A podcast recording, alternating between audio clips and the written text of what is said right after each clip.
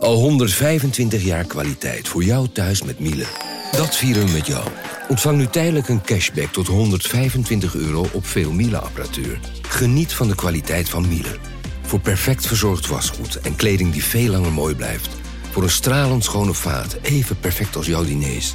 En een stofvrij thuis waarin echt hygiënisch schoon de standaard is. Check miele.nl voor alle feestelijke aanbiedingen. Hey podcastluisteraar.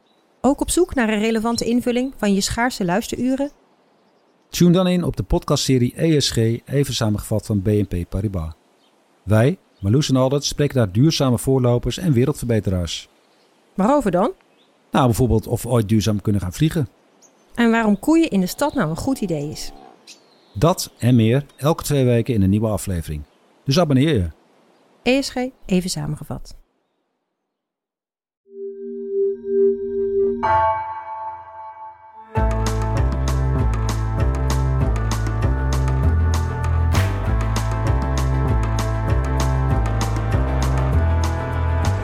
Taalpuristen. Ik ken ze wel. Mensen die gewapend met de dikke vandalen iedereen wijzen op de officiële taal.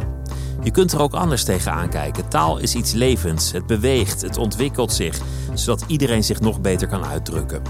De buurt werd De Hoed, de Belmer werd Bims en Bims dat werd Smip, een kunstenaarscollectief. Het Smibbenies woordenboek dat was er al en nu heeft professor Soortkill een boek Each One, Teach One met lessen voor jongens zoals hij er ooit een was. Leefregels die je zullen helpen vooruit te komen in een wereld die je heus niet altijd gunstig gezind is. Welkom bij het uur met professor Soortkill. Nou, welkom. Leuk dat je wilde komen. Thanks for having me. Dank dat, dat je er bent. Ja toch? Thanks for having me. Wa- Wanneer is professor Soortkill geboren? Uh, 10 september 1993 en dat was volgens mij een vrijdag. Dus er is niet een soort latere datum dat je professor Soortkill werd. Dit is gewoon wie je bent. En Ja. je moment van geboorte is ook de geboorte van Soortkill. Ja. En je, de naam van de burgerlijke stand, die, die doet er niet meer toe. Nee, ik ging op een gegeven moment leven als mijn echte naam. En eh, leef in mijn ego, maar Professor Swordkill is de higher self. Dat is de, de betere versie van de, Ja. de oorspronkelijke versie. En de betere versie raken we denk ik allemaal kwijt wanneer je opgroeit. Eh, het kind in je. En eh, ja, dus hij is, dit is Professor Swordkill is het kind in me die is gepromoveerd. Het kind het is, het een goede, maar het kind is gepromoveerd. Ja. Maar wat, wat is eigenlijk het grote keerpunt van je leven geweest? Ehm, dat ik ehm, een groot keerpunt. Er zijn meerdere geweest. Grootste keerpunt was denk ik dat ik toen ik verhuisde naar Zuidoost, Amsterdam Zuidoost, vanuit Nieuw-West. Toen dat was wel echt een soort. eh, alsof je een vlucht hebt en je hebt meerdere momenten turbulentie. Maar het zwaarste moment van turbulentie was toen, zeg maar. Was dat een positief keerpunt? Eh, uiteindelijk wel. Maar aanvankelijk niet. Nee. Nee. Want, want je, je, je groeide op aan de andere kant van de stad, Ja, Nieuw-Sloten. Nieuw-Sloten. Ja. Nieuw-Sloten zou je kunnen definiëren als... eh, nou ja, niet, Huisje, boompje, beestje. niet de elite, maar, Ja. maar, maar ook zeker niet de onderkant. Mensen die bezig waren zich omhoog te manoeuvreren. Ja, allemaal starters en zo, toch? Het was de, toen, ik daar, toen mijn ouders daar kwamen wonen, was het nog grotendeels eh, zand. Het werd nog allemaal gebouwd. Het was toen echt nieuwbouw. Dus veel starters. Mijn ouders waren toen ook net begin 30. Mijn vader was 30 toen hij mij kreeg. Moeder 27, 26, 27 zo. Dus ja, en dat was eh, uiteindelijk alle kinderen met wie ik in de klas zat. Daar, al hun ouders hadden ook die leeftijd. Dus het was echt zo'n soort starters nieuwbouwwijk. Jonge gezinnen, mensen bezig om, om het te gaan maken of, of Ja. hun leven te Het stichten. proberen. Het te gaan proberen. ja, ja. Wa- Waren jouw ouders uit Suriname eh, gekomen, eerste generatie? Uh, m- m- Mijn moeder kwam veel later dan mijn vader. Mijn vader kwam eh 73 volgens mij. Ik heb het in mijn boek correct staan. in ieder Nou ja, geval. ergens in de jaren en, en, 70. en mijn moeder kwam echt veel later. Toen, ehm, zeg maar, mijn vader kwam volgens mij op zijn op negende of zo, of op zijn zevende. En, mijn, en pas toen hij twintig was of zo, toen eh, had hij mijn moeder leren kennen. Toen hij op vakantie naar daar ging. En toen gingen ze brieven sturen. Toen had je nog geen WhatsApp en zo. Of Ja, dat weet jij waarschijnlijk beter. En toen eh, Ik heb uiteindelijk... het na- nog meegemaakt. ja, uiteindelijk na een jaar brieven sturen en dit en dat. Toen heeft hij er gewoon eh, de hand gevraagd. Niet om te trouwen, maar om mee te komen naar Nederland. Hij heeft er geschaakt en ze waren ja, verliefd. Ja, en toen kwam ze naar Nederland. Je, je beschrijft je vader, je, je vader leeft inmiddels niet meer. Nee. Als, als, als, een, ja, als een, een, een handelaar, een, een man Mhm. die het voor elkaar bokste. Ja. Een man met ambitie. Mhm.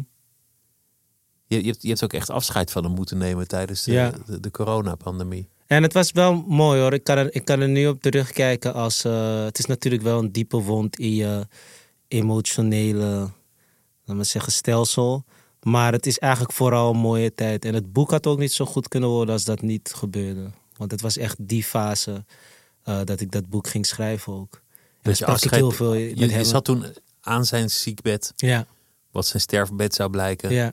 ja, letterlijk. Het was letterlijk. Dus dan bijvoorbeeld als je, dat heb ik dus ook geleerd, als je chemo hebt, heb je ook veel van die verschijnselen die op een gegeven moment komen. Een van die dingen was dat zijn voeten gingen tintelen. Dus wat ik dan deed was, dan was ik in de ochtend aan het schrijven en dan moest ik hem masseren om zijn voeten, het tintelen te minimaliseren. En dus dat deed ik heel vaak. En was het van, ik was aan het schrijven en dan ging ik dat doen en dan deed ik dat gewoon een uur. En dan dacht ik weer na over wat ik weer kon schrijven en dan ging ik weer schrijven. Maar ik ging ook veel met hem praten, want dat was ook afleiding voor zowel hem als ik op zulke momenten. En dan gingen we gewoon praten over het leven. En dan vroeg ik hem dingen waar ik over schreef. Maar dan schreef ik bijvoorbeeld over Suriname. En dan eh, ging het op een gegeven moment even over tijdperk Bouterse. Of de, de koep en zo. Het van, hoe ervaarde jij dat? En dan zei hij van, ja, ik woonde toen al in Nederland. En toen, toen het gebeurde, toen ging ik naar huis rennen en het nieuws kijken. En dan krijg je toch wel een andere eh, dimensie van het verhaal. In plaats van dat je alleen op internet leest wat er is gebeurd, zeg maar. Dus het heeft wel. ehm, en het heeft me ook gewoon heel scherp gemaakt. In de zin van ehm, echt de waarde van het leven inzien. En eh, ook zulke gesprekken gehad met elkaar. Dus ja. Dat, dat is heel veel tegelijk. De waarde van het leven inzien, de sterfelijkheid onder ogen komen. Ja. Nadenken over je jeugd. Voor, Ja. voor het eerst in, in lange tijd goede gesprekken met je vader. Mhm. Die, die niet altijd bij je is geweest in, Ja. in je opgroeien. Ja. Afscheid nemen, vriendschap sluiten. Mhm. En een boek schrijven, nadenken over jezelf. ja. En het allemaal tijdens die coronaperiode dat de wereld half op slot zat. Ja, en het kwam heel goed uit corona. Want het was echt, zeg maar, toen ik, eh, ik had het Smibbenies woordenboek 2.0 had ik in november 2019 uitgegeven. En in de week dat ik het uitgaf, werd bij hem kanker geconstateerd. En maart 2020 begon corona. Maar dus eigenlijk was dat juist voor mij, nu kan ik heel veel met hem zijn. In plaats van dat de wereld gewoon draait zoals het nu draait. En ik heb meetings en ik moet bijvoorbeeld hier zijn. Het was gewoon, elke dag ben je thuis. Elke dag. Het was ook gewoon met quarantaine en zo mocht je niet eens echt uit huis. Avondklok. Dus voor mij was het juist heel, voor ons, onze hele familie, was het juist heel handig. Want je had tijd voor wat eigenlijk het belangrijkste was op dat moment. Ja, Het, het sterven van je vader, Precies, het, het afscheid precies. nemen van Ja. je vader. Hoe droevig dat ook ja. is. mhm, Op een mooie manier kunnen doen. ja. Wel- Welke inzichten, want het is, een hele grote vraag. Welke inzichten heb je gekregen over, over je jonge jaren die je, die je daarvoor nog niet had? Ik leerde mezelf heel erg begrijpen. Bijvoorbeeld, ik, ik heb, we hebben zelfs dezelfde opleiding gedaan. Als in, eh, ik heb MBO niveau 4 marketing communicatie gedaan. Hij heeft dat toen de tijd ook gedaan toen hij jong was hier in Nederland opgroeide. Hij wilde blijkbaar ook schrijver worden. Ehm, hij wilde ook journalist worden. Ik heb ook journalistiek gestudeerd. Dit, al dat soort dingen wist ik niet. Ik wist niet dat mijn opa vroeger een schoolhoofd was in Suriname. Dus het leerde me ook heel veel over mezelf. Gewoon over eh, wie ik ben. Ik wist dat allemaal gewoon niet. Dus waar, veel waar je dingen. vandaan komt, waar je staat in de geschiedenis, Ja, wat jouw plek is. ja, ja, dus zeg maar veel dingen die ik doe, die doe ik door wat mensen voor mij deden. Maar ik wist niet wat de mensen voor mij deden. Ik deed gewoon wat ik deed. En op een gegeven moment kom ik erachter. Oh, jij hebt ook dit. Oh, jij ook. Oh, jij wilde vroeger ook schrijven worden. Oh, dit. Oh, mijn opa was ook schoolhoofd. Oh, zus en zo. En dan maakt het nog meer sens wat ik doe. Dus het is een soort van alsof je nog sterker in je schoenen gaat staan met wat je doet. Dus dat was eigenlijk het effect wat het had op mij toen de tijd. Je staat in een lijn. Ja, Je bent een opvolger. ja, Je zult opvolgers krijgen. ja. En, en het En- gaat en- niet allemaal om jou. Weet je wat nog het gekste was, zeg maar, ik, had, ik, ik heb altijd, want zeg maar dat professor Soortkill, ik heb eigenlijk altijd de, de, de tendency gehad om mijn naam niet op het internet te zetten of dat soort dingen. En ik had vroeger op, was volgens mij Hives al, of misschien zelfs MSN, had ik een schuilnaam en dat was Willem. Maar uiteindelijk kom ik er later achter, mijn opa heette ook Willem. Dus toen dacht ik al helemaal van, joh, dit, dit is, dit is gewoon meant to be. En hij is schoolhoofd, ik heb de Swedish University, ik ben daar schoolhoofd. Ja, dit is meant to be. Dus ja. En je, bent nu ook, zijn. je bent nu ook een soort leraar, een soort, ja, een soort precies, onderwijzer. Precies, dus daarom, ik, dat, het was gewoon... eh, en ook andere zussen van mijn vader, die hebben ook, zijn ook docenten geweest. Ehm, dus ja, en, en nu maakt het ook sens. Altijd wanneer ik bij mijn ooms en tantes kwam, waren er heel veel boeken en zo. Dus dat ik dat later ging doen. Ik dacht dat ik dat deed, maar op een gegeven moment begon ik gewoon te begrijpen van... oh, dat is eigenlijk altijd al binnen mijn familie geweest of zo. Maar ik stond er gewoon nooit bij stil. Nooit. Die, die gang naar de Pelmer, toen, je- toen je daar kwam wonen. Mhm. Dus je komt van de andere kant van de stad met, met allemaal jonge gezinnen. Ja. Die, die allemaal bezig zijn om hun plek in de samenleving te vinden. En je komt naar Zuidoost. Waarom was het zo'n schok voor je? Ehm, omdat Zuidoost is gewoon is een land binnen dit land. het is een mini-land binnen dit land. Het is gewoon, het is anders in de mensen die je daar ziet, de dynamiek. En kijk, vandaag de dag, eh, voor de mensen die uit Amsterdam komen enzovoort. Als je het hebt over het oude Noord en het nieuwe Noord, is een wereld van verschil. Dat gebeurt nu ook met Zuidoost.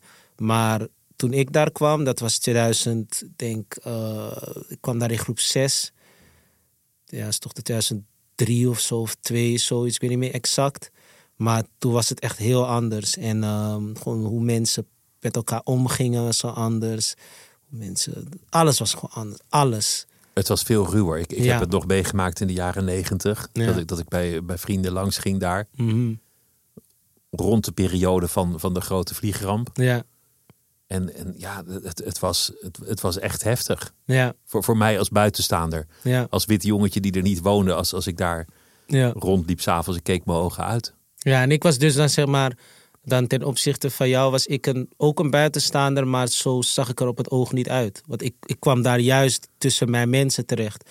Daar is juist het grootste deel van de Surinaamse gemeenschap, dat soort dingen. Uh, je hebt ook de uh, Ghanese gemeenschap, je hebt Antillianen, noem maar op. Dus dat ten opzichte van wat, waar ik op, in opgroeide in West, was dit juist een soort van meer tussen mijn mensen of zo. Maar in geest was ik niet zoals hun. In geest was ik juist zoals de mensen in West, Nieuw-West. En dus dat was eerst echt een soort van, uh, ja, ik had gewoon niet die dikke huid die je moet hebben.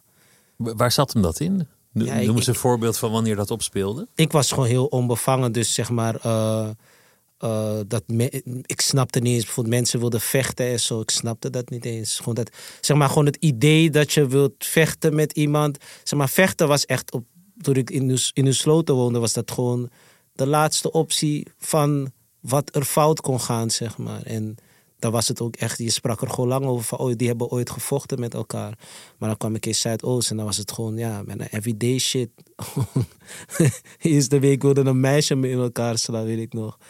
En uh, ze, omdat ik, ze vond dat ik stoer deed met mijn telefoon. Ik had een Nokia 3310, maar ik ging gewoon veel Snake spelen en zo. Het was zo'n spelletje op al die Nokia's.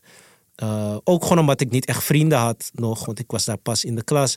En dan, maar zij vond dat ik dan stoer deed. Ik dacht bij mezelf, ik, ik, ik, heb, ik weet niet eens waarom je me in elkaar wilt staan. Plus je bent een meisje die me in elkaar... Waar haal je het vandaan, zeg maar? Want ja, je toch met alle respect, maar het komt niet heel snel voor dat een vrouw, een, een man uit het niets in elkaar wilt slaan. Dat het, het, het is eerder man naar man of man naar vrouw, zeg maar, maar niet zo snel vrouw naar man. Ik heb dus, dat ook niet vaak meegemaakt. Nee, precies. Dus, en dat was niet. eerste week, hè? Eerste week. En, en, vechten was niet de laatste optie. Zo van, nou, we, we hebben geprobeerd te praten, toen werd het ruzie en toen nee. uiteindelijk werd, werd het emotioneel. Dat was meteen... Nee, het was gewoon meteen aanval. Heb je, heb je ooit gevochten? Ik heb, de laatste keer dat ik heb gevochten is basisschool. Je lijkt, zei dat laatst nog geen vechter. Ik, nee, ik, nee. Ik, ik, denk altijd dat ik kan zien aan mensen of het vechters zijn. Nee man, ik vraag me soms ook echt af van als het moment gaat komen dat ik het moet doen. Vraag maar hoe ga ik het doen? Ik train wel, dus ik, ik heb wel... Je bent uh, fit, mijn spieren ontwikkelen zich wel, maar ik heb echt geen ervaring met dat. Maar ik heb wel ook een tijdje gebokst even. Maar ik heb, nee man, geen echt... eh, zeg maar, want uiteindelijk boksen is toch... Je, toch je, je, het is opgezet. Er zijn grenzen. Maar vechten is toch wel gewoon een moment. En ik kan me niet, niet voorstellen, man. Maar ik vind het ergens ook...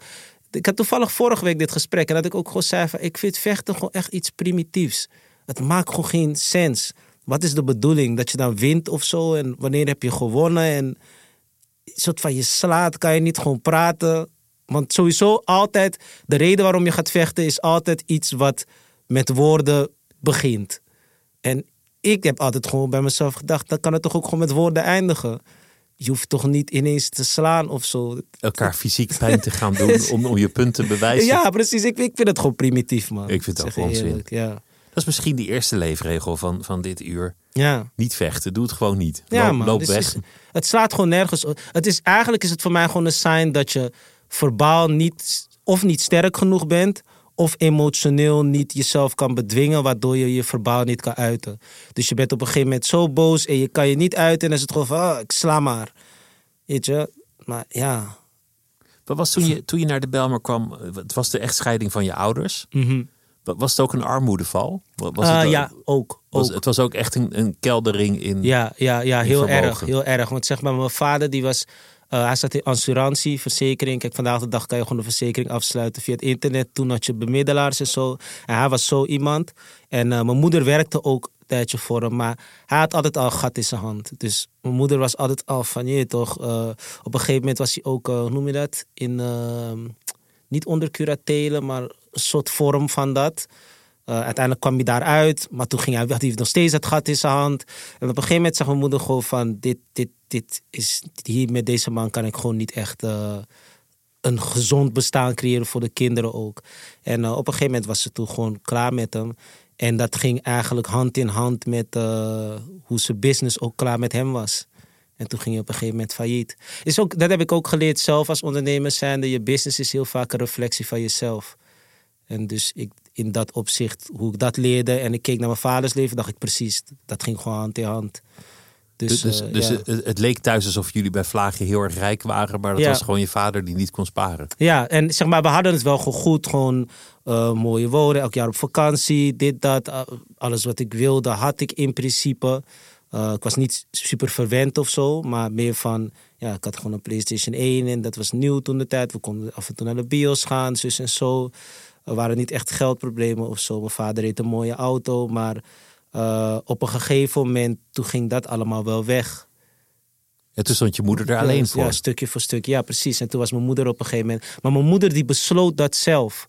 Dus het was niet dat mijn moeder slachtoffer was van de situatie. Zij zag het al komen en toen was ze gewoon van: Weet je wat, ik ga dit gewoon zelf doen. Ik ga gewoon mijn eigen. Ze is ook heel zelfstandig. Dus zij was gewoon op: Ik ga het gewoon zelf doen. Want ze heeft eigenlijk hebben, mijn moeder en vader ook samen dat leven opgebouwd met elkaar. Eh, echt vanaf toen ze begin twintig waren. Want zij kwam letterlijk intrekken bij mijn vader toen hij nog in huis woonde bij zijn ouders. En dus ze hebben hun hele leven samen opgebouwd. Maar ja, op een gegeven moment, ja, dat is ook wat succes doet toch. Kan je soms naast je schoenen gaan lopen en zo. En ik denk dat het meer, eh, de scheiding was meer een reactie op dat. dat naast Maar, je maar toen stond je moeder er alleen voor. Mhm. In een nieuwe wijk. Ja, Toen niet in een goede wijk. ja, Met, met weinig middelen om het te redden. Met Mhm. kinderen. ja. En, en jij zat ineens in, in, een, in een klas waar iedereen met je op de vuist wilde. Of Ja. met elkaar. ja.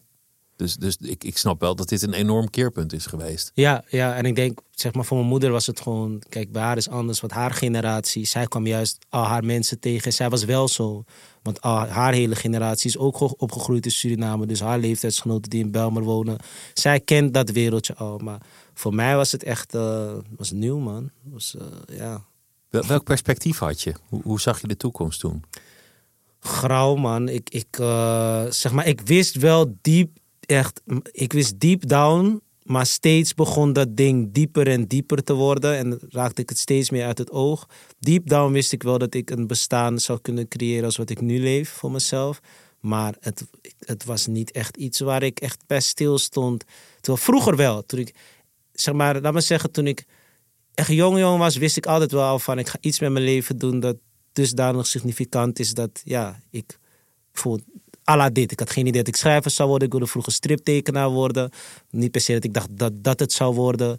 Uh, maar meer van toen ik op een gegeven moment daarin opgroeide, toen werd het wel, ja, het werd gewoon grauwer met de jaren. En dat kwam ook door je omgeving, door wat je ziet en de normen. Want je bent ook gewoon een product van je omgeving, toch?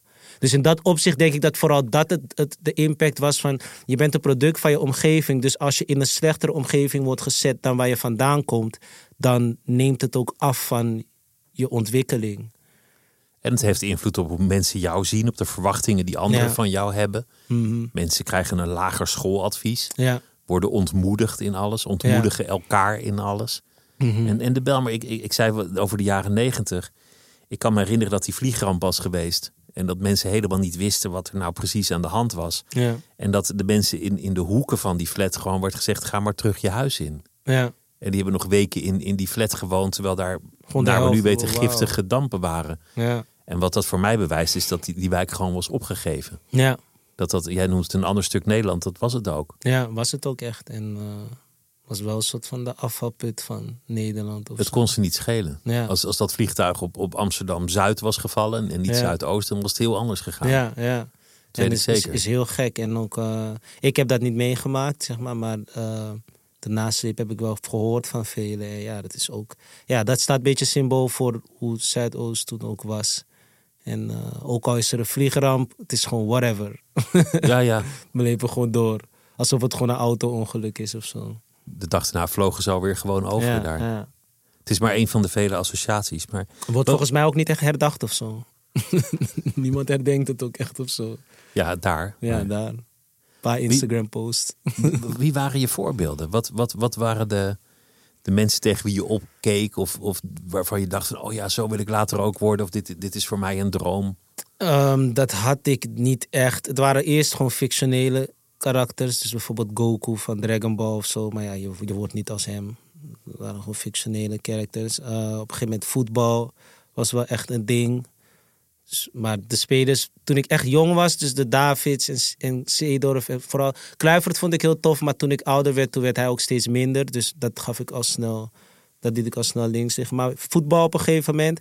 En eh, op een gegeven moment de hip-hop, man. Op een gegeven moment de hip-hop kwam ik gewoon, eh, waren er mensen, bijvoorbeeld Kanye, Kanye West was echt iemand die eh, me heel erg inspireerde. Of The Game, is ook een rapper. Ja, toen, werd het meer, toen ging ik meer naar hip-hop kijken. Toen was hip-hop op een gegeven moment mijn afleiding. En soort van. Als ik naar die kant keek, dan kreeg ik hoop of zo. Dat Van- was het eigenlijk. Ja. Dat is ook waar hip-hop over gaat. Je hebt weinig Ja. middelen, maar je kunt alles maken. Ja. Als je maar ideeën hebt. Ja, precies. En, en dat was dus wat ik ook. En je, je hoort gewoon ook heel veel soortgelijke verhalen in hip-hop. Dus dan de dingen die ik meemaakte, waar ik op een gegeven moment dus in kwam. Je hoort van mensen die daar ook gewoon in zijn geboren of whatever. En die daaruit zijn gekomen. Dus ook veel, eh, je kan relaten. En dus dat biedt ook perspectief. Als je dan ziet wat zij dan doen. Of wat ze vertellen dat jij moet doen om eruit te komen. En op een gegeven moment biedt dat gewoon een soort perspectief. van Oké. En dan... Maar toen de tijd nog wel onbewust hoor. Het was niet per se dat ik dacht van... Oh, nu moet ik ook dit en dat doen. Maar het was meer een soort gevoel wat werd uitgedragen... waar je mee wilde connecten. Dat is zeker heel belangrijk als je jong bent. Dat je, dat je, dat je idolen hebt of iconen of voorbeelden. Ja. Dat, dat soort dingen. Was je een goede leerling? Nee, man. Ik, ik, ik had echt niks met school. Maar dat zat hem ook in dat ik op een gegeven moment gewoon naar VMBO K en B. Ik had advies VMBO BK. En toen dacht ik al gewoon van ja, fuck dit man. Ik, ik, het boeide me niet meer. Dus ondanks dat, dat, je, dat je nu een soort leraar bent en, en Mhm. dat je schrijft en dat je leest en, en al die dingen, werd er daar gezegd: ga maar met je handjes werken. Ja, man. En ik heb, ik heb ehm, echt vanaf dat moment, groep 7, groep 8, toen hoopte ik nog van, oké, maar mijn broer had Atheneum. Eh, en, en iedereen in mijn familie was ook gewoon, al mijn neven en nichten deden ook Atheneum Gymnasium. Maar ik kreeg VMBOK, dus dat was gewoon, ik schaamde me ook. En die combinatie maakte gewoon dat ik op een gegeven moment eigenlijk al klaar was met school toen de tijd. ik was er toen al klaar mee. Ging nog naar de eerste en de tweede, maar ik was al klaar ermee, man. Van, ik, ik, ik, ik, eh, Je dacht zo, snel mogelijk Ja. hier wegkomen. ja, man. Maar ook sowieso gewoon ook eh, spanningen thuis. Ik had op een gegeven moment een, stiefvader. En eh, met mijn moeder. En toen zei mijn moeder boterde het niet echt. Dus heb je ook dat soort spanningen in huis. En dat is ook vaak het probleem met kinderen die opgroeien in zulke wijken. Dat het zijn gewoon vaak de thuisomstandigheden waardoor ze op school niet hun best kunnen doen. Omdat je gewoon te veel je maakt gewoon te veel mee. Ik had gewoon bijvoorbeeld nachten dat bijvoorbeeld gewoon dan mijn moeder ruzie met mijn stiefvader en dan hoorde je ze gewoon in de nacht en dan was ik gewoon wakker en dan hoorde ik die hele ruzie. Maar het is gewoon twee uur s'nachts en ik moet gewoon half negen op school zijn. En dat zijn toch wel van die dingen, dat weet een leraar niet. Maar wanneer jij dan ongeïnteresseerd bent in de les, dan denkt hij gewoon, je bent ongeïnteresseerd. Maar hij weet niet, of zij weet niet dat je ouders gewoon ruzie hadden in de nacht en dat jij niet kon slapen. En dat je je misschien druk maakte. Want je denkt, oh, stel je voor. Ik ging gewoon heel vaak luisteren van, gaat hij mijn moeder aanraken? Hij heeft het nooit gedaan volgens mij, maar in die ruzies waren zo hectisch dat het soms wel was van, gaat hij er slaan? Want als hij er slaat, ga ik wel mijn bed uitstappen en dan ga ik wel iets doen. En, maar dat soort dingen maken kids gewoon mee. Snap je? En dat weten leraren niet. Maar die zeggen dan gewoon, oh ja, hij let niet op. Dus ja, hij kan HAVO sowieso niet aan. Leraren denken altijd kind is dom. Ja. Die denken niet kind heeft niet gegeten en is een beetje Nee, zwak aan het worden. Of Ja. heeft niet geslapen. Of eh, Precies, ja. heeft, heeft andere zorgen aan zijn Voor hoofd. mij werd ook geen brood gesmeerd op een gegeven moment. Ik deed het ook niet zelf. Ik had soms gewoon liga. dan had ik gewoon liga. Vol, vol suikers. Krijg je Ja, en dan, dan was het op. 12 uur. En dan had ik wel geld gekregen van mijn vader. Gewoon misschien 4, 5 eh, de euro was er al wel, ja. Eh 5 euro kleingeld of zo. En dan ging ik gewoon snoep halen. Of kipvleugeltje in de pauze. Maar ja, weet je, dat is ook niet, dat is geen nutrition. En uiteindelijk ga je ook niet meer geconcentreerd. Dus dat zijn heel veel factoren die ook invloed hebben op kids die niet in een gezonde omgeving opgroeien. En dus, dus om dat gewoon te wijten aan intelligentieniveau, dat is gewoon heel kort door de bocht.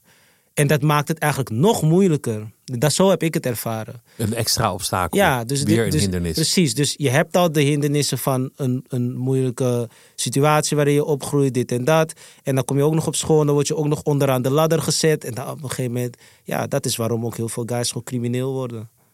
Denken ze gewoon van ja, Dat is haalbaar. ja, van, dat is tenminste dichtbij. Je weet Ik waar zie- je moet Ik melden. zie die jongen daar die naast mij woont, met wie ik vroeger voetbalde. Hij verkoopt nu wiet en dit en dat. En hij draagt nu die schoenen die ik ook wil, die mijn moeder nooit kan halen. Ja, waarom niet? Zo begint het. En dan denken mensen ook van ja, crimineel kiest ervoor. Je wordt er eigenlijk, je wordt als het ware, je groeit erin. Door je omstandigheden. Alleen ik had dat nooit, omdat ik wel mijn vader had die altijd gewoon. Ehm, en ik kwam in principe ook gewoon van, ja, toch wel relatief gezien goede huizen. Maar stel je voor, je hebt ook nog te maken met het feit dat jouw vader ook vroeger een beetje handelde. Dat soort kinderen gaan heel snel naar daar. En dan, eigenlijk, laatst zei ik tegen iemand van, ehm, vaak erf je het. Je erft het eigenlijk. Je erft ook je lot. En je erft ook letterlijk je handeltje. Precies, je erft het ook. Dus in dat opzicht eh, is het ook vaak gewoon dat, man. En, en, maar ik, ik, ik dwaalde nooit daarin af, maar ik heb heel veel vrienden gehad. Ik heb gewoon heel veel momenten in mijn leven gehad dat ik bevriend was met mensen. En dat het gewoon op een punt was van... Zij besloten bijvoorbeeld om ehm, iemand dan te willen beroven. En dan zei ik, oké, dan ben ik niet meer met jullie. En dan was onze vriendschap gewoon klaar. Soort van, ik heb wel altijd het gevoel gehad dat ik een engel ook op mijn schouder heb... die gewoon altijd... Je, je had je kompas op. Ja, ja, Ja, je boek gaat heel erg over de noodzaak om jezelf te onderwijzen. ja. Educate yourself. Mhm. Dat, dat, dat je moet lezen, dat je moet verdiepen in je verleden, verdiepen in de geschiedenis. Ja. Te raden gaan bij eerdere denkers en filosofen en wijsgeren. En dat, dat, je, dat je via het hoofd en het intellect jezelf moet, ja, vooruit moet helpen, emanciperen, een weg vinden. Dat Ja. je bewustwording moet creëren. Ja. En het, het begon, een- één boek dat heel belangrijk was, dat was eh, de biografie van Steve Jobs door Walter Dickerson. Ja. Dat, dat is een journalist, biograaf. Hij, hij is Mhm. volgens mij ook een tijdje iets belangrijks bij CNN geweest. Hij heeft die van Elon Musk nu ook gedaan. Ja, en Leonardo da Vinci had hij ook gedaan. dus hij, hij verdiept zich in de grote genieën Ja, die die, die is tegengekomen. ja. Ik, ik vind het zo wonderlijk dat je dat boek uit de kast trekt en dat dat zo'n invloed heeft. ja, kijk, ik dacht dus... Ik had vanaf jong wel al... Want op een gegeven moment toen ik... eh, dat was ook toen ik naar Zuidoost verhuisde. Op een gegeven moment hadden we een computer thuis. Want daarvoor was dat nog niet echt het ding. Een computer thuis hebben. Ik weet nog ook... Toen ik in groep 3 zat, mocht je nog niet eens op internet op school. De computer was gewoon iets nieuws. Maar op een gegeven moment had ik die computer thuis. En toen dacht ik al van... Wie heeft het verzonnen om dit te maken? Hoe kan het zo'n kastje hoe- met ja, een toetsenbord? Ja, en en, hoe, hoe, is dit er, zeg maar? En, en niet per se dat Steve Jobs dat heeft gemaakt, maar hij heeft wel heel veel invloed gehad in het feit dat de computer op een gegeven moment in iedereen's woonkamer terecht kwam. En toen ik daarachter kwam, toen hij stierf, toen dacht ik, en een vriend van me die vertelde heel veel over hem, toen dacht ik, ik ga gewoon ook dat boek halen. En vanaf dat moment, toen, eh, ja.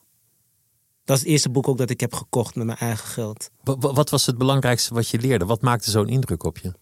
Ehm, het vrij denken. En ehm, ook delen. In het logo van de Swimmer's University heb je een klein logo van Taoïsme. En daar ben ik ook gekomen door boeddhisme. Maar boeddhisme werd heel erg aangespoord door Jobs. Door Steve Jobs. Want hij was ook echt... eh, hij ging zich ook daarin verdiepen. Dus gewoon het feit dat er één originele denker is die zoveel teweeg heeft gebracht. Mhm. Die in mogelijkheden kon denken. Ja, Terwijl jij leeft in een wereld van onmogelijkheden ja, en, en obstakels. ja, Dat maakte indruk. ja. En dat is, dat is het begin geweest van, van nou ja, Smibbenies University, kan je Ja, zeggen. ja, want hij... En hij gaf gewoon echt heel veel live lessons. Dus op een gegeven moment ging ik ook op YouTube zijn interviews kijken en zo. En dan vertelde hij gewoon hoe hij bijvoorbeeld bij eh Hewlett Packard gewoon een dag... Hij mailde ze gewoon van, hey, ik wil computeronderdelen hebben, want bla bla. En toen was hij elf jaar of zo. En toen zei hij op een gegeven moment, kom maar langs op kantoor. En uiteindelijk kreeg hij een baan. En het moraal van wat hij daaruit wilde leggen is, je moet gewoon altijd vragen. Dus toen dacht ik, ik ga dat gewoon ook doen. Hij, hij was eigenlijk gewoon een soort mentor voor me op een gegeven moment. Gewoon alle dingen die hij zei, ging ik gewoon doen. En nu Zo. ben jij een mentor. Ja, In, je boek gaat ook voor een belangrijk deel over, over de geschiedenis van Suriname. De Mm. geschiedenis van, van eh, de zwarte diaspora over de hele wereld. Ja. De geschiedenis van, van de Belmer, maar ook van, van andere buurten in Nederland en op andere plekken. ja, Je komt uit op, nou ja, 400 jaar koloniale geschiedenis, anti-zwart racisme ja, en, en de hele noodzaak om, om je daaraan te onttrekken. ja, Wat, wat nogal een grote opdracht is. ja.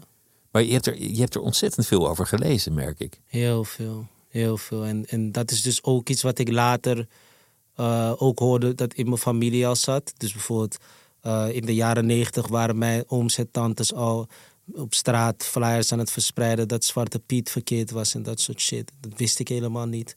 Of ik ging bijvoorbeeld een filmpje kijken van ehm, het standbeeld dat van Anton de Kom op een gegeven moment werd gehuldigd. En dat heel veel mensen het er oneens mee waren. Maar toen zag ik ineens de broer van mijn vader ook een interview geven. Dus zo begon ik te merken ook van ja, dat, dat, dat die, die soort van weerstand tegen de, de, ik noem het de indoctrinatie en de brainwash, dat soort dingen, die was er altijd al binnen mijn familie en dat rebelse. En ik heb dat ook altijd gewoon al meegekregen of zo, maar op een gegeven moment werd het echt een interesse. En toen ging ik me er echt veel in verdiepen. Maar ik denk ook dat het niet eens per se interesse was naar dat. Het was gewoon meer een drang naar het ontworstelen aan. En dat die drang zich vertaalde in een interesse naar verdieping, geschiedenis, dit en dat. Maar ik wilde me gewoon ontworstelen aan de dingen die eh, de meeste van ons in dat opzicht onderdrukken en laag houden. Er is een soort banvloek uitgesproken, waardoor, waardoor dat nog steeds doorwerkt voor, voor heel veel mensen met een donkere huidskleur Ja. op heel veel plekken. Ja. Hoe ontworstel je daar eigenlijk ooit aan? Het is, het is zeg maar hoe ik het nu begrijp, het is als het ware alsof het een programma is dat in je is geïnstalleerd. En je moet dat programma op een gegeven moment gewoon gaan verwijderen en iets nieuws gaan installeren. En eh, Als een soort computervirus. ja, precies. En daarom zeg ik nu ook met smibbologie dan get with the program. Want het is eigenlijk van je moet jezelf reprogrammeren. En dat had ik toen de tijd door. Maar ik weet, ik, ik, ik weet, ik weet ook niet waarom. Maar ik las een boek over ehm, cognitieve processen en zo. Toen was ik ook echt 17 of zo. Ik weet niet waarom ik dat las. Maar vond ik interessant. Maar toen leerde ik ook al van... je kan jezelf gewoon eh, reprogrammeren. Je, je bent in principe... is je mindset een soort installatie. En die kan je gewoon beïnvloeden. Je kan er iets aan toevoegen. Je kan iets nieuws leren. Je kan dingen afleren. Je kan dingen aanpassen, aanscherpen. Net als een computer. Je kan nieuwe programma's downloaden. Je kan iets verwijderen. Dit gebruik je niet meer. Dit De, wel. de denkpatronen. Want dat denken dat is dus ook in het eigen hoofd geïnstalleerd. ja, Het denken dat zegt van, van de witte man is superieur. ja, ja. En, en, en eh, mensen met een donkere huidskleur, ja, het zal nooit wat worden, want ze zijn lui en ze werken Mhm. niet en ze kunnen niet leren. En, en al die oordelen die eeuwenlang ja. Zijn geïndoctrineerd, die zitten ook in mensen zelf. Ja, je gaat het naleven, toch? Zeg maar, je, op een gegeven moment ga je het naleven. Als mensen jou heel, jarenlang zeggen dat je dom bent, op een gegeven moment denk je gewoon dat je dom bent. En ehm, veel van die dingen dus, die zijn mensen gaan naleven, waardoor het eigenlijk... ehm, is grappig. Kanye noemde het the real state of racism. Het is eigenlijk gewoon een soort van. Je hoeft nu niet eens meer te zeggen dat we zo zijn. Het zit al zo diep. Wij zijn er al van overtuigd dat we zo zijn. Dus ook heel veel mensen. En in Amerika is het nog veel heftiger. Maar ook hier in Nederland hoor. Heel veel mensen die die zijn al gewoon cool met het feit dat ze dom zijn. Terwijl ze zijn eigenlijk helemaal niet dom.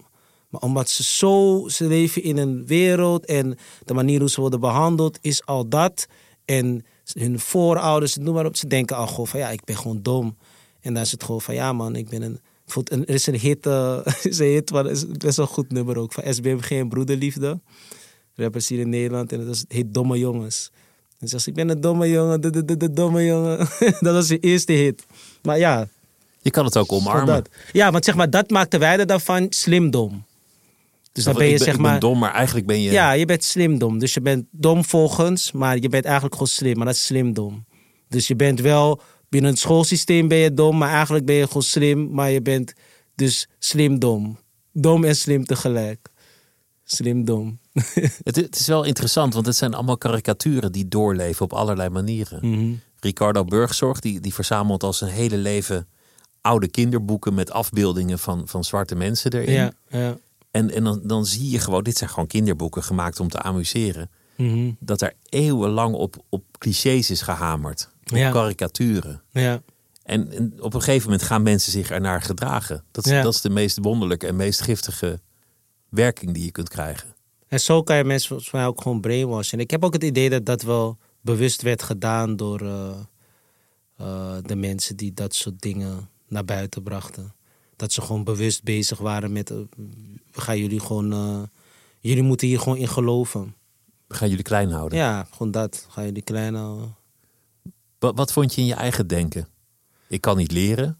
Ik, ik, ik dacht op een gegeven moment ook gewoon dat ik dom was. Omdat ik ook VMBO had en zo. En, en ten opzichte ook van mijn familieleden. Dacht gewoon van ja. En, toen, en het gekke was dat ik ook op een gegeven moment daadwerkelijk.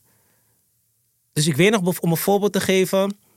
Ik had een uh, Fruity Loops. Dat is een programma waarmee mensen beats maken en zo. En uh, ik had dat gedownload. Maar toen, ik begreep het niet. En toen dacht ik, ik ga het toch nooit begrijpen. Laat maar. Terwijl de jongens, nu ben ik onderdeel van SMIP. En veel van die jongens hadden dat ook toen de tijd. En die zijn dat wel gaan doen. En die maken nu nog steeds muziek. Maar er was gewoon echt, ik kan me dan nog goed herinneren dat ik gewoon dacht van ja, ik ga dit toch niet begrijpen, man. Dus laat maar. Dus je geeft eerder op, je hebt niet het idee dat het voor jou is weggelegd. Ja. En mijn computer was al een beetje traag. Dus ik dacht van ja, dit programma is nu zwaar op mijn computer. Ik ga het niet begrijpen. Fuck het man. Terwijl, ja, omdat ik gewoon dacht, ik ben gewoon niet slim genoeg. Is dat de essentie van Smith Benese University? Dat je, dat je aan, aan mensen zoals jij zelf was als jonge jongen wil zeggen, doe het anders. Val niet in die, in die val. 100%. 100%. Dat is, onze slogan is ook, we don't brainwash, we just wash the brain. In de zin van, wij willen juist het tegenovergestelde doen wat in onze optiek uh, naar ons toe komt. Van het idee dat, je, dat ze zeggen, ja, je moet maar met je handen gaan werken. Of um, je hebt een, lesboek en ze zeggen, nou, deze hoofdstukken zijn niet voor jou. Dat is niet jouw niveau. Ik wil juist dat je gewoon begrijpt dat je alles kan. En dat in principe alles, het zit hem gewoon in hoe je erin staat. En hoe je ernaar kijkt. En wat iedereen heeft het vermogen. Natuurlijk, je hebt ook mensen die bepaalde, uh, bijvoorbeeld een verstandelijke beperking hebben of iets dergelijks. Maar ik schaar uitzonderingen niet binnen de norm, zeg maar. Als je gewoon kijkt naar de norm, in principe kan iedereen alles als je gewoon de toewijding opbrengt. De concentratie, het vermogen om het te willen begrijpen, uh, vallen opstaan. En het vertrouwen. En het vertrouwen, super belangrijk. Vertrouwen, echt. Ik, ik, op een gegeven moment wilde ik voetballer worden, maar ik, ik, als ik erop terugkijk, ik had gewoon geen vertrouwen. Gewoon niet. Toen als ik dit vertrouwen had wat ik nu heb, had het misschien wel gekund. Want ik was wel intelligent genoeg. Want voetbal is ook gewoon in je hoofd. Het gaat niet per se, tuurlijk, het gaat ook wel om je lichaam. Maar, je moet ook goed kunnen rennen, maar het is, het is ook intellectueel. Ja, ja, ja. maar als ik, als ik één ding aan kinderen zou willen meegeven als ik in een positie was, dan is het er is mm. altijd meer mogelijk dan je denkt. Ja, altijd. Altijd. En iedereen heeft ook zijn eigen pad. Zeg maar, en je moet je eigen pad hebben. Je moet ook durven denken. Heel veel mensen die durven niet te denken, maar die zeggen gewoon en denken wat andere mensen zeggen dat ze moeten denken. Dus uh, ik had toevallig gisteren een gesprek, een voorgesprek voor een, een, uh, een praatje wat ik binnenkort in het Pakhuis de Zwijger heb. En met, allemaal studenten en zo. En dan had, zei ik, dan legde ik haar uit van ja, kijk, op school voelt ik wil een striptekenaar worden, maar wanneer je die keuzes krijgt, zeg je oh ja, of je wordt brandweerman, of je wordt advocaat, of je wordt dit, of je wordt dat. En dat is eigenlijk alsof je, je hebt een kamer, je hebt je eigen kamer, En ze zetten bijvoorbeeld drie kleuren. Ze geven je rode verf, blauwe verf en groene verf. En dan zeggen ze, nou, welke kleur verf wil je je kamer maken? Welke, welke, welke kleur wil je je kamer geven? Maar ze geven jou eigenlijk drie kleuren. Dus je hebt al niet meer de keuze. De keuze is eigenlijk al voor je gemaakt. En ik wil mensen gewoon bewust maken van... je moet niet luisteren naar die drie kleuren die je krijgt. Je hebt alle kleuren. Het is jouw En leven. jij kan het kiezen. Jij En gaat dat moet je beseffen. Maar de mensen die, alle mensen die een eigen wereld voor hunzelf hebben gecreëerd of eigen pad hebben bewandeld, die beseffen dat. Dat je gewoon alle keuzes hebt. En dat het niet soort van gekaderd is binnen, oh, ik moet dit en dat doen. Want dat heeft ook weer te maken met school, het schoolsysteem toch? Van eh, ja, de industriële revolutie en school werd als het ware daarop afgestemd van wij produceren gewoon mensen die daarbinnen weer kunnen bijdragen. Maar we leven nu in een hele andere tijd. Dus dat systeem is eigenlijk ook gewoon zo beperkt ten opzichte van wat er nu mogelijk is. Vroeger was het inderdaad niet even makkelijk om. eh, kijk, tegenwoordig kan je influencer worden. Ja, daar is geen opleiding Ja. voor. Maar misschien inmiddels wel trouwens. Mensen, Maar mensen, mensen zijn op TikTok, mensen doen dit. Voor alles, voor alles kan je worden. Ja, om dan tegen een kind te zeggen, ja, of je wordt brandweerman of eh, arts. Is van ja, er zijn meer mogelijkheden. ja, ja. Ja, het, is ook, het is ook een lange traditie van black positivity waar je, waar je nu in staat. Ja, Dat, dat, dat is iets wat, wat teruggaat op, op eh, Malcolm X, Martin Luther King, maar ook, Ja. ook Miles Davis en, en heel, heel veel andere mensen die hebben zich uitgesproken van maak het niet alleen maar negatief. ja, Maak het ook positief. Zorg dat als, als het gaat over een donker iemand op tv, dat het niet meteen gaat over racisme ja. of criminaliteit, maar laat ook zien wat mensen kunnen, wat mensen bereiken. 100%. En ook gewoon bijvoorbeeld wat betreft dit boek. Ik, ik zei ook al tegen, ook bij mijn uitgever, ik ga nooit meer schrijven over dit soort onderwerpen. Dit is de laatste keer dat ik het doe en eerste keer. Ik wilde gewoon dit meegeven, maar nu ga ik hele andere dingen doen. Want Dit is Dit is niet waar het om die hebben we nu verteld. ja, Je, je geeft ook leefregels. Ja. Dat, dat vond ik eigenlijk het, eh, helemaal leuk. mhm, Gewoon, ja, gewoon alledaagse wijsheden aan alle jonge mensen. Maar ook, ook aan, aan niet-jonge mensen, waarom niet? ja. Zo van, oké, dit, dit gaat je helpen. Ja, want ik geloof dat, eh, dat zeiden ook die guys van de Black Panther Party. Ze zeiden, als je een probleem aankaart zonder oplossingen, ben je eigenlijk gewoon een onrustzaaier. Dus je moet ook wel een oplossing bieden. Want anders, zeg maar, anders maak je gewoon slapende honden wakker. Dan is het van, oké, dit is het probleem en dan ga je gewoon weer doorleven. Dan, dan zeg je, oh, slavernijgeschiedenis, racisme, segregatie, dit is allemaal gebeurd, eh, fijne Ja. dag nog. Ja, precies. Dus het is ook wel van, ja, je moet ook een oplossing bieden. En dat is weer wat de Smithsonian University dan komt. Is van, oké, dit is allemaal gebeurd. Maar het gaat er niet per se om dat je hierbij stilstaat nu en whatever ermee doet. Het gaat erom dat je hier gewoon bewust van bent. Maar het gaat er vooral om wat je gaat doen met dat bewustzijn. Dus bijvoorbeeld dingen als, oké, word een... eh, Word een, een waardevol persoon voor je gemeenschap. Ga, voed je gemeenschap. Doe iets voor je gemeenschap. Bijvoorbeeld, Oké, je wilt arts worden. Word bijvoorbeeld een arts die een huisartspraktijk opricht in zijn eigen wijk. Dat soort dingen. Dus niet alleen maar voor jezelf gaan, maar ook Ja. altijd zorgen dat, dat je geaard bent in je omgeving. Dat ja, is een leefregel. Precies. Gewoon van, je moet gewoon bijdragen aan... Iedereen heeft zijn of haar mensen, als het ware. Van, dit zijn mijn mensen. Of het nou een plek is waar je bent opgegroeid... of een bepaalde bevolkingsgroep, bepaalde geloof... of religie, noem maar op. Het, iedereen heeft, voor, in, althans denk ik... waarvan hij zegt, dit zijn mijn mensen. Of dit is de groep waar ik me, bij waar ik me eh, vind dat ik bij hoor. Ja, ik denk van, draag daarin bij. Of, of maak dat beter. Of, je toch, Maar zorg er voor staat ook- verbinding. Eh, geld is van iedereen, dus zorg dat je zoveel mogelijk eh, krijgt. Mhm. Zorg dat je niet uit je giegel stinkt. Ja, Zorg dat je er goed uitziet. Zorg Ja. dat je op tijd komt. ja, lees je in voor je ergens naartoe gaat. ja. Weet waar je terecht komt. Het zijn, het zijn allemaal hele praktische regels die Ja. je opstelt. Maar het, het, het is bijna als een soort kloosterorde of, of, of een soort militaire operatie. ja. Een soort handboek. Van, Ja, de- het, zou, het boek zou ook eerst Operation Manual, de Smibbologie Volume 1 Operation Manual heten. Want ik gewoon dacht, dit moet een handleiding zijn. Maar toen Each One Teach One klonk gewoon wat, vriendelijker. ja, een soort van, ook misschien minder intimiderend dan een handleiding. Nou ja, ik geloof... Mensen lezen geen handleidingen, toch? Als je een tv krijgt, je gaat gewoon kijken hoe werkt het. je drukt op die afstand, maar je gaat je, die je steekt handleiding de stekker lezen. erin en je Ja. zegt hij doet het niet, verdomme. Ja, precies. Ik breng hem terug. Niemand leest echt de handleiding. Dus ja. Maar ook gewoon, eh, nee, en ook wat je zegt inderdaad met al die dingen is gewoon van heel praktisch, omdat het uitzi- een mentaliteit uit zich ook gewoon in de kleinste dingen. Dus ook gewoon in hoe je praat. Gewoon praat niet met volle mond of doe dit niet of zus niet. Of... Maar ook gewoon concrete dingen zoals bijvoorbeeld, ja, we leven gewoon in een kapitalistisch systeem. Dus ja, zorg er gewoon voor dat je aan het juiste eind zit. Want waar ik vandaan kom, heel veel mensen die zijn zo... eh, de kans is zo klein dat ze financieel echt komen waar ze in hun dromen zouden willen komen. Dat ze gewoon eigenlijk al hunzelf gaan downpraten. Van, ik hoef geen geld. En mensen die geld hebben, die zijn altijd slecht. En dit en dat. Maar dat zijn gewoon excuses omdat ze gewoon al hebben opgegeven in het feit dat zij nooit verder komen dan waar ze zijn. En dat is eigenlijk heel triest. Maar dat is ook iets wat ze dan overdragen onbewust op hun kinderen. Dus vond, ik weet nog, mijn moeder had om, heel onbewust. Nu kan ik er met haar over lachen. Hè, maar bijvoorbeeld vroeger zei ze altijd van ja, je moet niet ondernemer worden, want dan gaat de belastingdienst je lastigvallen. En dan komen die blauwe brieven en zo. Dat, dat is best een negatieve gedachte. Precies. En dus ik zei tegen haar van, en ze zei dan ook van kijk naar je vader en zo. Maar dan zei ik altijd van ja, maar dat is hij. Ik, er zijn ook mensen die het goed doen. En ik werd dan dusdanig rebels dat ik bijvoorbeeld zei van ehm, ik wilde me nooit inschrijven bij woningnet. Omdat ik altijd zei van ja, ik ga gewoon een huis kopen. Maar kopen was ook iets dat soort van niet echt. Het was geen optie of zo voor heel veel mensen.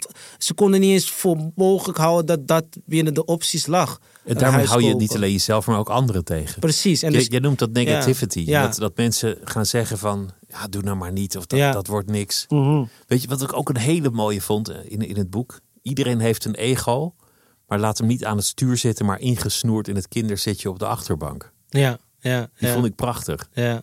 Dat, is, dat is ook shit die ik heb geleerd door Steve Jobs. Echt over eh gewoon je ego en dat soort dingen. En eh, ja, we hebben hem allemaal. En, en heel veel mensen die op een gegeven moment op het spirituele pad gaan, die, die zeggen ik heb geen ego meer en zo. Maar we hebben het allemaal. En, en Het is sterker ook nog, niet erg. Daarom, Ja, daarom zijn we hier. Of Ja. daarom kom je uit je bed of Ja. ga je die wereld in. kan hem ook heel goed gebruiken. Maar, maar, Maar, af en toe moet je hem insnoeren. Ja, want hij moet niet achter het stuur zitten. Want als hij achter het stuur zit, dan gaat het fout. Want je ego is wel gewoon een soort verzonnen idee. Wat voor je kan werken, maar heel vaak tegen je werkt. Je, je, je haalt ook dingen aan als boeddhisme en andere, andere leren die je, die je hebt gedaan. Je gaat te raden bij, bij religieuze denkers. Mhm. Want wat eigenlijk, eigenlijk is het bijna alsof je een soort, een soort eigen variant aan het stichten bent. Ja, ja dat, dat is Smibbenies University is ook eigenlijk een soort orde. het is ook gewoon een Een orde. soort kloosterorde. Ja, ja, ja. En zeg maar, ik noem het studenten. Een tijdje dacht ik, ga ik het discipelen noemen. Volgens mij in een van de correcties van, de, van het boek noemde ik het ook de discipelen. En op een gegeven moment dacht ik, weet je wat, dan mag gewoon studenten zeggen. Maar eh, ja, het is wel gewoon een soort, ik wil wel een soort... En ik- niet per se een orde waarin ik dan eh, op een gegeven moment honderd mensen achter me heb staan of zo. Maar ik wil gewoon dat mensen deze mindset gaan eigenen. Je hoeft me niet eens te laten zien dat je het doet. Maar ik hoop wel gewoon dat eh, er veel mensen zijn die gewoon denken van, oh ja, inderdaad. Of, oh, wauw, oh, dit kan ook. Of, weet je? Als je je denken verandert, dan kan je verder komen. Ik, ik, zag, ik zag op social media dat je je stembiljet hebt verscheurd. Ja. Als een statement. ja. Nee, ik stem sowieso nooit. Wa- waarom niet? Wat, wat is dat? Ik, ik, eh, ik gebruik mijn stem. Dus met mijn Hier, boek gebruik ik mijn je stem. stem. Snap je? Want zeg maar, altijd zegt men dan van... Ja, waarom stem je niet? Want je kan zo invloed uitoefenen. Maar dan denk ik bij mezelf van... Nou, ik heb mijn stem. En dat is mijn manier van invloed uitoefenen. Dus ik hoef in dat opzicht niet te stemmen. En ik wil ook gewoon niet meedoen aan dit systeem. Want ik geloof er gewoon niet echt in. En ik vind gewoon dat ze bezig zijn met micromanagement... terwijl er macro-problemen zijn die veel meer aandacht vragen. Dus dat heb je eigenlijk opgegeven. Ja, al lang. Ik ben er nooit aan begonnen. Ik heb nog nooit gestemd. Of één keer. Savannah Simons, één keer. Maar toen ging ik echt met mijn moeder praten en toen zei ze: Je moet voor mij stemmen. Mijn moeder woont nu in Suriname. En toen zei ze: Je moet voor mij stemmen. En toen dacht ik: Weet je wat, als ik voor haar ga stemmen. En dan doe ik ook mijn stem op de stem die zij, eh, waar zij op stemt, zeg maar. Maar, maar daarmee zeg je eigenlijk van, van ik, ik heb gewoon geen enkele herkenning meer binnen al die mogelijkheden die je kan aankruisen. Ik heb, Ja. ik heb gewoon geen vertrouwen meer dat het langs die weg zal komen. Ja. En dat past wel weer bij de hip-hop mentaliteit van ik moet het zelf maar doen. En weet je wat ik gek vind vooral aan de andere kant? Dan denk ik bij mezelf. Heeft het ooit wel gebleken dat dit werkt of zo? Want zeg maar, zeg maar elke, elk, eh, of althans in mijn belevenis, en misschien weet ik niet genoeg, maar bijna elke staat die pretendeert democratisch te zijn, heeft zichzelf niet opgebouwd met diezelfde democratie. Dus werkt dat wel echt? Want je hebt je er niet mee opgebouwd het is eigenlijk gewoon. Ik vind democratie gewoon een luxe. Dus in Suriname, voor de problemen die daar zijn, en daar is ook een democratie. En dan denk ik gewoon bij mezelf van, jullie hebben niet de luxe die hier in Nederland is om te zeggen, oh, het kabinet valt. Jullie hebben dat niet, want mensen hebben daar gewoon geen kom daar, ik, ik was vorig jaar in Suriname, je hebt gewoon vrouwen met kinderen in hun hand die vragen je om kleingeld. Je hebt niet de luxe om te zeggen, het kabinet is gevallen. Of we komen er even niet uit. Maar hier in Nederland hebben we dat. In Frankrijk hebben we dat ook. Dat. Maar ja, dat is gewoon een luxe van de, van het westerse imperialisme. Dat is wat ik denk. Maar dat, ik vind van ja, dat, dat mag ik denken. Dat maakt me ook niet per se. Dat, dat, maakt me dan ook niet per se een communist of een socialist of een. Ik weet niet wat. Ik denk misschien moet er een nieuwe term komen. Dat is wat, voor, ik, voor mij is de essentie van een democratie dat jij dat mag denken. Ja. Dat, je, dat je mag denken wat je wil. Dat is misschien nog wel essentiëler dan, dan, dan het stemmen of op wie je stemt. Ik bedoel, het feit dat je mag stemmen is symbolisch. Ja. Want, want bedoel, je bent maar een van de 15 miljoen. Ja maak je stem niet groter dan die is. Mhm. Maar het, het hele construct van, van inspraak en dat uiteindelijk de macht ligt bij de mensen. En ik, het, is, het is jammer dat in zoveel landen het, het langzaamaan verkruimelt of het ideaal ervan wegvalt. Ja. En, en ook, de, ook de menselijkheid die erachter ligt, wat ik veel fundamenteler vind, is dat iedereen in essentie hetzelfde waard is. Ja, en het is een mooi idee. Maar ik denk ook altijd, ik vind het gewoon heel romantisch. Want eigenlijk is het dat gewoon niet. Nooit geweest ook. Ja, en het is alsof je gewoon de prins op het witte paard verwacht en dan komt hij in een golf, in een golf 7 of zo aanrijden. dat is gewoon een beetje hoe ik hoe in een dienstwagen. Ja, dat is hoe ik naar kijk. Maar misschien staat er nog een advertentie op die auto. maar meer van, het, het, het, het, het geeft je vooral het idee dat, dat we allemaal inspraak hebben. Maar uiteindelijk ja, ik geloof gewoon, er zijn gewoon hogere machten die gewoon aan touwtjes trekken, die uiteindelijk gewoon veel meer waard zijn dan iedere stem die je kan. Uh... Als wij bijvoorbeeld met z'n allen nu zouden zeggen, stel voor we zouden tot een punt komen en we zeggen met z'n allen, we stemmen op de kleinste partij in het, in het, uh, in het hele stelsel. Ik denk als dat echt zou gebeuren, dat gewoon op een gegeven moment mensen zouden zeggen: nee, dit gaat niet gebeuren, man. Dat, dit gaat niet dat gebeuren, andere man. machten zijn. Ja, maar dit gaat niet gebeuren, maar we schieten hem neer. gewoon van ja, gewoon van. Het, het, het is een. Um, ik denk dat het gewoon. Het, het stelt ons gewoon gerust. En het kalmeert ook mensen. Eens in nu, vier jaar een vakje aankruisen, zo dus precies. Precies, want dan de, alle problemen die er in de wereld zijn, je gaat er niet echt bij stilstaan. Pas wanneer de verkiezingen er zijn, dan ga je even kijken en dan zeg je, oh, die staat voor dit, die staat voor dat. Oké, dan ga ik op hem stemmen of haar stemmen. En dan ga je gewoon kijken naar de uitslag. En dan is het van, oh, ze hebben zoveel zetels. Oké, nu kunnen ze mijn belangen behartigen. Maar uiteindelijk, als je kijkt in een timespan van 50 jaar, verandert er eigenlijk geen moer. En, de grootste veranderingen komen niet vanuit wat wij zeggen. De grootste veranderingen komen vanuit als wij druk zetten ook. Dat zie ik ook heel veel. De meeste revoluties en dat soort dingen gebeuren gewoon wanneer mensen juist gewoon. Vanuit activisme. Is, is dan uiteindelijk de kern dat je, dat je het zelf moet doen? Dat, dat je niet gelooft in het systeem en dat je denkt: oké, leef jouw leven. Met, met medeneming van de mensen die je als de jouwe beschouwt. Ja. Maar je bent uiteindelijk op jezelf aangewezen. Vooral. En ik denk ook van het systeem is er en moet er zijn. Een systeem, laat me niet zeggen het systeem. Een systeem moet er zijn om gewoon de soort van gemeenschappelijke orde te bewaren.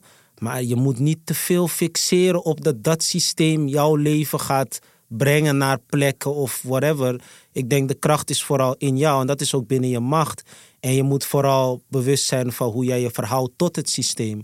Dus bijvoorbeeld, daar zegt iemand tegen mij vanochtend toevallig, want ik kreeg heel veel reacties op die post. Ook heel veel goede, maar ook mensen die zeiden van, uh, ja, maar waarom dit en dat? Want uh, over stoeprand die hoger moet, want dan kunnen ouderen wat mak of lager, dat ouderen, bla. En dan dacht ik gewoon bij mezelf van, ja, oké, dat is gewoon zo micromanaging ja, dat, je kan je daarmee bezighouden. Maar ik ga liever mijn tijd steken in hoe ik mijn leven op orde kan krijgen. Zodat wanneer mijn moeder oud genoeg is, dat ze gewoon lekker bij mij in huis kan wonen met haar kleinkinderen. En dat ze niet eens hoeft na te denken over een stoep die te hoog of te laag is. Dan koop je gewoon een karretje die de stoep aan kan. Precies. omdat je geld... precies.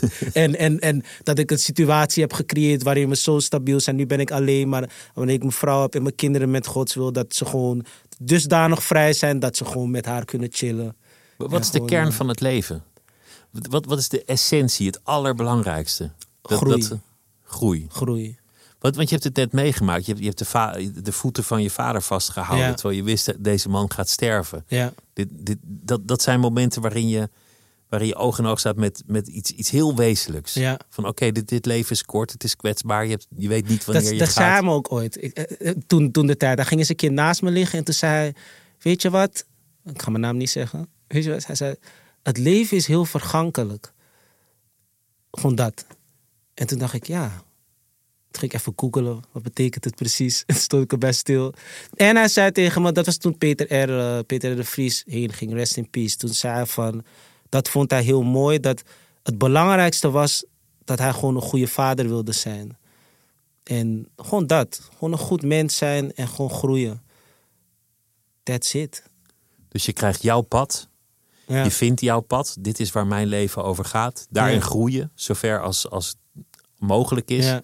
Als je gegeven is en je bent een mooi mens voor de mensen die voor jou belangrijk zijn. Ja.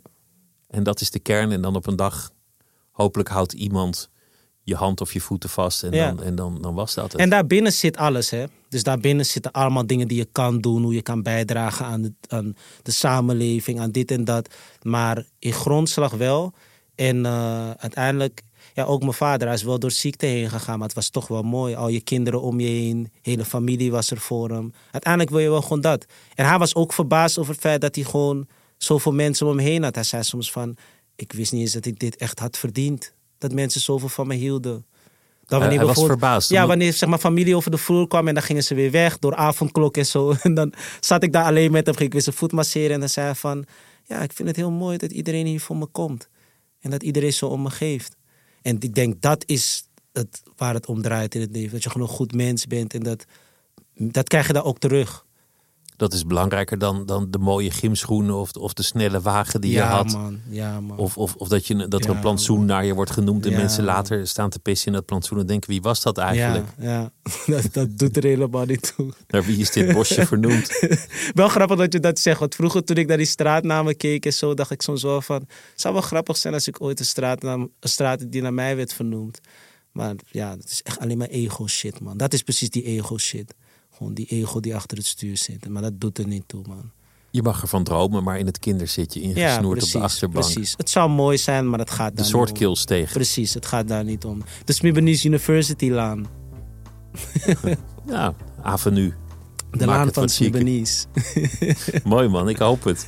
Ik gun het je. Dank je wel dat je langs wilde komen. En ik wens je, you. wens je heel veel succes en veel plezier met alles. Thanks for having me. Dank je. Thank you.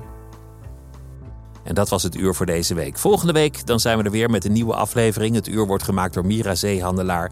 Productie en techniek Celine Cornelis. En mijn naam is Pieter van der Wielen.